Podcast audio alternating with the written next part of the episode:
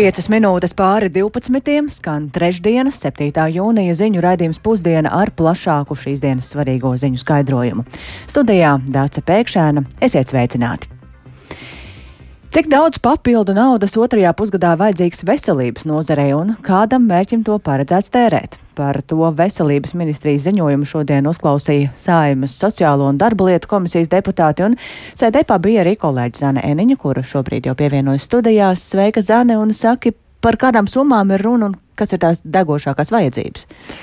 Labdien! Pēc veselības ministrijas precizētajiem aprēķiniem, lai otrajā pusgadā pacientiem joprojām būtu pieejama izmeklējuma, ārstēšana un rehabilitācija, papildus nepieciešams 163 miljoni eiro. Tās būtu visakūtākās, visdegošākās vajadzības, lai uz gada beigām neviedotos slimnieku sastrēgumu un nepagarinātos jau esošās rindas. 163 miljoni tātad tikai visneatliekamākajām vajadzībām, bet patiesībā deficīts ir vēl lielāks un naudas būtu nepieciešams vairāk. Taču pašlaik veselības ministrija koncentrējas uz šo summu, un par sadalījumu sīkāk stāsta veselības ministrijas valsts sekretāra vietnieks finanšu jautājumos Boris Kņigins. Pirmā pozīcija iekš tiem 160 miljoniem ir zobrastniecība. Tas pieprasījums ir 4,3 miljoni. Tas pieprasījums veidojas uz faktiskiem pakalpojumiem, kas ir sniegti 1. 3. mēnesī pēc faktiskiem izdevumiem. Tas ir reāli fakts, cik ir izterēts pārī pieejamajam finansējumam pirmajos trijos mēnešos, pārreizinam uz četri. Attiecīgi veidojas tas iztrukums, ko mēs prognozējam līdz gada beigām. Tas ir tikai viens piemērs, bet tas parāda gan veidu, kā veselības ministrija aprēķina paredzamo deficītu, gan arī vajadzības, kurām nauda tiks tērēta. Boris Knigins runāja par zobārstniecību bērniem, gan ar piebildi, ka pat tad, ja līdzekļi atradīsies, nav pārliecības, ka tos iztērēs, jo zobārsti nelabprāt strādā ar bērniem, un sevišķi liela problēma tā ir ārpus Rīgas un Pierīgas. Taču arī pārējās jomas, kurām nauda tiek pieprasīta papildus, ir tikpat ikdienišķas. Piemēram, 53 miljonu eiro vajadzīgi, lai slimnīcās sniegto pakalpojumu tarifi beidzot atbilstu reālajām izmaksām. Tās pieaugušas galvenokārt energoresursu cenu kāpuma un medikamentu sadārdzināšanās dēļ. Vēl 42,7 miljoni pap papildus vajadzīgi vizītēm pie speciālistiem, ārstēšanās dienas stacionāros un izmeklējumiem, datortomogrāfijai, oftalmoloģijai, rehabilitācijai gan bērniem, gan pieaugušajiem un vēl veselai virknei pamata pakalpojumu. Ģimenes ārstu praksēm nepieciešami 2,2 miljoni. Gan tāpēc, ka pieauguši nomas uh, maksas izdevumi, gan komunālo pakalpojumu cenas, dārgāk ir arī grāmatvedības pakalpojumi un tā tālāk. Vēl 42 miljoni eiro papildus vajadzīgi kompensējamo zāļu apmaksai, un, kā piebilda Boris Knigins, šī pilnīgi noteikti nav atliekama vajadzība. Tāpat laboratoriskajiem izmeklējumiem vajag eh, vairāk naudas - ap 11 miljoniem eiro, un paralēli veselības ministrija sola optimizēt nosūtījumu sistēmu, lai kādas analīzes netiktu veiktas lieki vai, vai divkārt vai trīskārt. Eh, par to, kur ņemt šo naudu. Jau zināms, ka premjerministrs Krišāns Kariņš no jaunās vienotības ir uzdevis visām ministrijām pārskatīt savus budžetus, un ar eh, lielākām vai mazākām sekmēm tas arī darīts. Un arī veselības ministrija pati ir meklējusi savos resursos un kā iespēju saskata gan eh, kapi kapitāla sabiedrību peļņu, gan pašas ministrijas iekšējo resursu samazinājumu. Nu, bet tā summa, ko šādi varētu iegūt, būtu pavisam neliela, varbūt simtā daļa no tā, kas kopumā kopumā nepieciešams. Un vēl sēdē izskanēja, ka vēl viena veselības ministrijas izdevuma pozīcija, kas nav atliekama, ir samaksa par mūsu valsts piedarīgajiem sniegtajiem veselības aprūpas pakalpojumiem ārzemēs. Šī summa ir 12 miljoni eiro, un ja to nesamaksās noteiktajā laikā, tad tiks uzrēķināti soda procenti. Nu, dzirdam, ka vajadzību ir ļoti daudz, ko par šiem aprēķiniem saka deputāti. Kopumā depu, deputāta nostāja ir atbalstoša. Visi saprot, ka nozarē patiešām papildus nauda ir vajadzīga, un jautājumi, kas tika uzdot, bija tādi vairāk precizējoši. Bet jāpiebilst, ka sēdē bija ļoti daudz pieaicināto ekspertu, gan no ārstniecības iestādēm, gan eh, nozares darbinieku, arotbiedrības, gan arī no pacientu organizācijām. Un, piemēram, eh, Latvijas veselības un sociālās aprūpes eh, darbinieku arotbiedrības vadītājs Valdis Keris aizrādīja, ka veselības ministrijas degošo izdevumu tabulās nekur nav manījis algu pieaugumu nozares darbiniekiem, kaut gan par to panākt vienošanās Nacionālajā uh, trīspusējā sadarbības padomē, proti par atalgojumu paaugstināšanu par 4,5%. Un Kēris teica, ka vienošanās nu gan nevajadzētu ignorēt, un ka bez medicīnas darbiniekiem ne zobārstniecībai, ne arī kādām citām vajadzībām piešķirtajai naudai nu, vairs nebūs liels nozīmes, ja nebūs neviena, kas to darbu dara.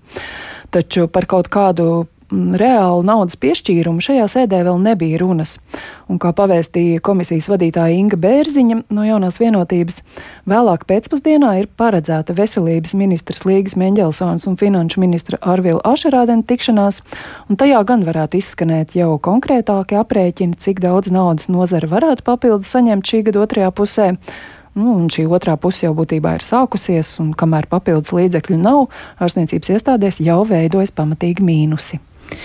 Paldies Zenei Eniņai, tātad sarunas šo pēcpusdienu, un līdz ar to arī mums būs vēl ko skaidrot un stāstīt tālāk redzījumā pēcpusdiena. Bet mēs turpinām ar to, ka Nacionālo bruņoto spēku skandalozais 220 miljonu eiro vērtais pārtikas iepirkums, kurā uzvarēja rojas uzņēmums Zīteri LZ, jau no paša sākuma ir organizēts ārpus ierastās kārtības. Prasības definēja nevis NBS, bet aizsardzības ministrijas izveidota darba grupa, turklāt iepirkumu īstenoja bez tirgus izpētes un galu galā ir nopirkts tikai starpniecības pakalpojums. Tā revīzijā ir secinājusi valsts kontrola un, kā šorīt programmā labrīt kolēģiem Dēra Vērai Zīlai un Kristapam Feldmanim sacīja valsts kontrolieris Rolands Irklis, ja procedūra būtu ievērot, iespējams, šāda situācija nebūtu. Plānošanas posmā iepirkums tika, ja tā var teikt, izcelts ārā no ierastās kārtības, jo parasti paši bruņoties spēki ir tie pasūtītājs, kurš arī definē tās vajadzības, kas viņiem ir nepieciešams. Šajā gadījumā tās prasības tika definētas sākotnēji caur tādu hackathonu, tādu diskusiju ar nozari pēc tam aizsardzības ministra izveidotā darba grupā tika daļai nodefinētas prasības, kurām vajadzētu būt tālāk iepirkumā. Tālāk šis iepirkums uzreiz tika nodots iepirkuma komisijai. Lai gan principā tur bija papildus vajadzīga tirgus izpēta, papildus bija vajadzīgas darbības no NBS puses, no pasūtītāja puses, lai skaidri definētu, ko ir nepieciešams iepirkt. Bet realitātē faktiski tas iepirkums tika definēts šajā precīzi iepirkuma komisijā. Un tā rezultātā faktiski vajadzēja iepirkt pārtiku, no darba grupas iznāca ārā, ka pirks loģistikas pakalpojumu, bet beigās iepirkuma komisijas darbība rezultātā tika nopirkts faktiski e-starpniecības pakalpojums. Par ko tas varētu liecināt? Kādas privātas intereses tika bīdītas?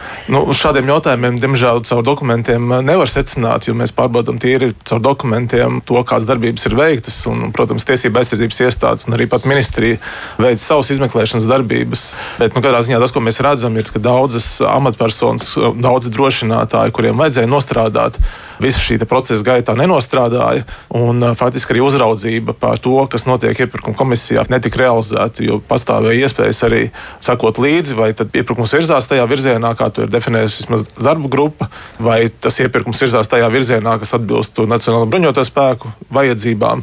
Bet faktiski uzraudzība šādā veidā, lai nodrošinātu, ka tiek nopirkts tiešām tas, kas ir vajadzīgs, nenotika. Līguma summa, tie 220 miljoni, nav bijusi adekvāta un no kurienes tā vispār uzrādījās? Tā uzrādās pašā, pašā beigu posmā, faktiski īsi pirms līguma slēgšanas, kad faktiski tika sarēķināta vairākiem gadiem šī pārtiks vajadzība, tika ņemts vērā arī inflācijas procents, tika ņemts vērā valsts aizsardzības dienesta izveide un arī iespējamā krīzes apgāde tā tika nodefinēta pēdējā brīdī caur aprēķiniem, bet faktiski tas lielākais pārkāpums ir, kad šāda apmēra iepirkuma, šāda apmēra summas ir jāsaskaņo augstākā līmenī. To nevar izdarīt viena pati iepirkuma komisija, un tam ir jābūt paredzētam arī šajā centralizētā iepirkuma plānā. Kā valstī vajadzētu reaģēt un tālāk rīkoties? Tas ir viens no mūsu ieteikumiem izvērtēt šīs iespējas pārtraukt šo līgumu, jo līgums tik tiešām neatbilst mūsu aizsardzības un drošības vajadzībām un būtībā rada papildus riskus. Jo šobrīd visa informācija tiek nodota iedot vienam komersantam, kur iepirkums arī nav veikts atbilstoši valsts aizsardzības un drošības iepirkuma likuma normām un prasībām. Iepirkumā īsti nav skaidrs, kādā veidā notiks šī apgāde krīzes vai ārkārtas situācija apstākļos, kas bija viens no iemesliem, kāpēc šādu iepirkumu vispār veidoja. Līdz ar to iepirkums kā tāds, tas noslēgtais līgums šobrīd absolūti neatbilst tām vajadzībām, kādas ir nacionālajiem bruņotajiem spēkiem. Līdz ar to ilgtermiņā nu, šādu līgumu nav jēgpilni uzturēt, lai sekmētu mūsu aizsardzības spējas. Vai valstī ir līdz ar to kā kādi zaudējumi radušies? Tiešā veidā šo zaudējumu šobrīd nav iespējams novērtēt. Faktiski tā labā ziņa, ka nav tā, ka uzņēmumam samaksā 220 miljoni. Tas, kas bija līdz aprīļa beigām, bija iepirkta pārtika par nepilnu miljonu eiro. Līdz ar to tas līgums šobrīd darbojās un starpniecība tiek veikta. Un uzņēmums faktiski ir saņēmis dažus desmitus tūkstošus eiro kā šo starpniecības maksu. Tā kā tādas īsti reālas miljonos mērāmas zaudējumus mēs šobrīd noteikti nevaram konstatēt.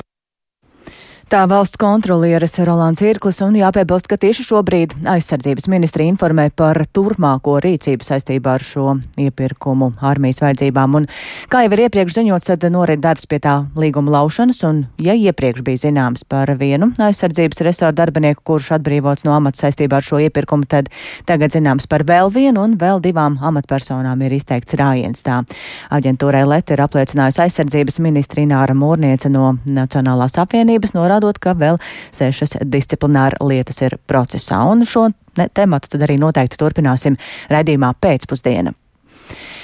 Pēc Kahovkas hidroelektrostacijas uzspridzināšanas plūdi vēršas plašumā un ūdens līmenis vēl turpinās celties. Līdz šim no plūdu skartajām zonām ir evakuēts aptuveni pusotrs tūkstotis iedzīvotāju, tikmēr Krievijas kontrolētajā pusē daudziem nākas glābties pašiem, jo Krievu iebrucēju plašu evakuāciju neizvērš un cilvēkus atstājuši likteņa varā. Lai stāstītu plašāk par situāciju Ukrainā, mums šobrīd pievienojas kolēģis Rihards Plūmes. Sveiks, Rihard! Jā, labdien! Tiek lēsts, ka šobrīd ir aplūduši nu, aptuveni vismaz 24 ciemi, bet plūdiem turpinoties var aplūst aptuveni 80 apdzīvotas vietas, no kurām lielākā daļa, gan jāsaka, ir Krievijas kontrolētajā daļā, Ņepras upes kreisajā krastā. Nu, precīzu skaitu, cik daudz un kas ir aplūdi, šobrīd gan ir grūti noteikt, jo tiešām plūdu apmērs ir diezgan milzīgs. Hersons apgabalā, lai gan plūdu intensitāte mazinās, eh, tuvāko 20 stundu laikā ūdens līmenis paaugstināsies vēl par metru, un par to lietotnē telegramma ir paziņojis Hersons apgabala militārās administrācijas vadītājs Aleksandrs eh, Prokudins, un mm, paklausīsimies eh, īsi viņa teikto. Протягом ночі надзвичайних подій не зафіксовано. Nakts laikā incidenti nav fiksēti. Plūdu intensitāte samazinās, tomēr dambja būtisku bojājumu dēļ ūdens tomēr pieplūdīs. Pēc mūsu prognozēm tuvāko 20 stundu laikā ūdens līmenis paaugstināsies vēl par metru. Jā, nu saskaņā ar eh, viņa teikto no apgabala evakuēts ir pusotras tūkstotis cilvēku un aplūdušas ir aptuveni 2000 māju. Eh, aplūst varētu teritorijas, kurās dzīvo ap 40 tūkstoši cilvēku kopumā, un eh, no šiem 40 tūkstošiem tad lielākā daļa atrastos Krievijas kontrolētajā teritorijā, aptuveni 25. Krievijas kontrolētajā Novakahovkā šorīt ūdens dažviet sācis atkāpties, un izskatās, ka tur ir arī plūdi bijuši diezgan lielā apmērā. Dažviet uh, redzams, ka ūdens ir sasniedzis vienstāvu māju ēku jumtus. Glābējiem cilvēku glābšanā palīdz arī brīvprātīgie un vietējie, un internetā atrodami daudz video, kur cilvēki grupās ar laivām glābj arī dzīvniekus. Vietējo cilvēku reakcija uz plūdiem ir dažāda viena iesmeja, ko tad vēl tie okupanti izdarīs, vai saka, ka pārdzīvoja okupāciju, nu tad pārdzīvos arī šos plūdus. Nu, citi tikmēr nespēja valdīt asaras un saka, ka vairs nekā nav, ne elektrības, ne ūdens, viss pēc plūdiem būs izpostīts, un mm, kur tad pēc tam galu galā lai dzīvo. Eh, gan jau izglābtajiem, gan aplūdušajās vietās palikušajiem cilvēkiem tagad būtiski saņemt ir pārtiku, dzeramu ūdeni, cita dažāda veida palīdzību, un iedzīvotājus aicina ekonomēt ūdeni un dzert to tikai no pudelēm, eh, nevis eh, citur pieejamu ūdeni. Pēc ūdens atkāpšanās būs arī daudz beigtu zivju, kas jau dažviet ir manāms, un Ehm, tās cilvēki tiek piekodināti nesavākt un tās neēst arī pagatavotas. Eh, tikmēr pēc Ukrainas Nacionālās drošības un aizsardzības padomas sekretāra Oleksija Daņilova teiktā dambja uzspridzināšanas dēļ ūdens piegāda okupētajai Krimai tuvākajā laikā kļūs fiziski neiespējama. Viņš pat izteicies, ka ūdens Krimai varētu tikt zaudēts uz pieciem desmit gadiem.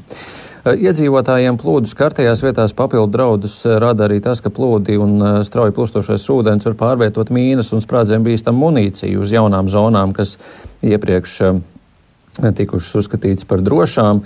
Un, par upuriem jāsaka, joprojām netiek ziņots, bet no plūdi vēl pāris dienas varētu turpināties, un upuru apmērs varētu būt skaidrs līdz ar to vēlāk. Amatpersonas min, ka aptuveni pēc nedēļas savukārt būs skaidrāka aina par postījumiem.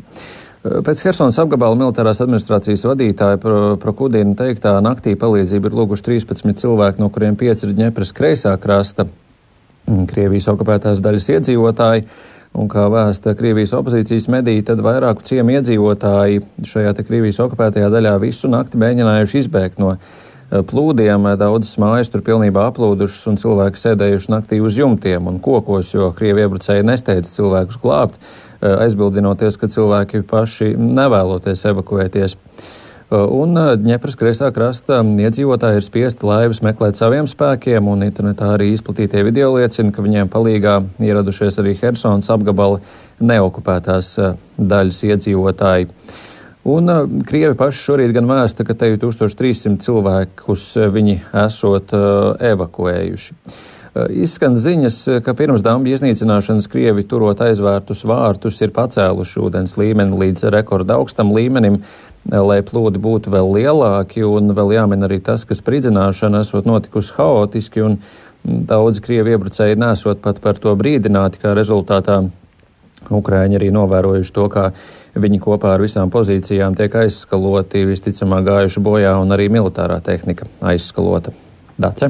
Jā, Rihards, tik tālu būtu skaidrs, bet pavisam īsi varbūt um, nu, skaidrs, ka plūdi ir ietekmējuši arī lauksaimniecību, un es saprotu, ka Ukrainas agrārās politikas un pārtiks ministrija jau arī esot nāks klajā ar šīm aplēsēm. Jā, Dienvidu Ukrainas mūzīgai lauksaimniecības nozarei tagad varētu tikt nodarīti ilgtermiņa postījumi, vai 31. lauku apūdeņošanas sistēmai tiks pārtraukt ūdens piegādi, un Ukraina lēš, ka aptuveni 10 tūkstoši hektāru lauksaimniecības zemes labajā krastā un vēl vairāk reģionu kreisajā krastā aplūdīs, un lauki Ukrainas dienvidos jau nākamgad varot pārvērsties par tūkstnesi. Ukrainas valdība arī jau piešķīrusi naudu, lai tiktu izbūvētas jaunas apūdeņošanas Eh, sistēmas. Tātad eh, nu, jau tiek domāts jau tagad par saku likvidāciju, kaut gan eh, noteikti vēl ienāks ziņas par to, cik liela tad ir postījumi tos mm -hmm. pa lauksaimniecības nozarē. Paldies Rihardam Plūmēm par jaunāko informāciju no Ukrainas. Bet eh, likvidējot sociālās korekcijas izglītības iestādi Naukšēna, aktuāls ir nevien jautājums, eh, kā turpmāk noritēs sociālā korekcija tiem jauniešiem, kuri ir pārkāpuši likumu, bet arī kāda būs mūžas kompleksa nākotne, kur atradās šī iestāde.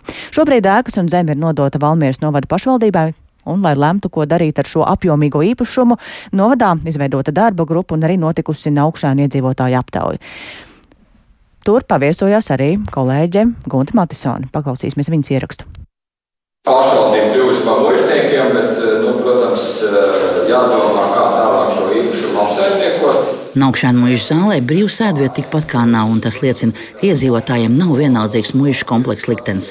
Sociālās korekcijas izglītības iestāde Naukšēnos darbojās no 1998. gada līdz pērnā gada rudenim, kad to izglītības ministrija slēdz. Protams, ka zaudējums tādā izpratnē, ka nu, vienkārši patreiz redz, ir problēmas ar to, ko darīt šajās ēkās tālāk. Jo tajā laikā tomēr valsts finansēts eh, izglītības iestāde bija šeit, un, un bija gan eh, cilvēkiem, pedagogiem darbs, gan arī apkalpojošam personālam, gan arī teritoriju teritorija tika uzturēta labā stāvoklī un ēkas, un, un tā, tas viss bija labi. Bet, nu, diemžēl, ir tā, kā ir. Skola vairs nav. Nu, jādomā, jauns saturs. Naukšēna apvienības nekustamo īpašumu apsaimniekošanas speciālists Digis Čākurs stāsta, ka šobrīd nāksies domāt, kā apsaimniekot 66 hektārus zemes un 14 ēkas. Tās galvenās vai centrālās ir tātad šī pilsmāja vai kungu māja, skolas mācību korpus un internāts. Nu, tās ir apsildāmas ēkas ar pietiekoši lielu ietilpību, kubatūru un, un par tām arī visvairāk tā galva mums šobrīd sāp. Valmieras novadomas priekšsēdētājs Jānis Baigs, kurš pārstāv partiju Valmierai un Vidzemē, stāsta, ka tobrīd, kad pašvaldībai piedāvāja pārņemt šo īpašumu,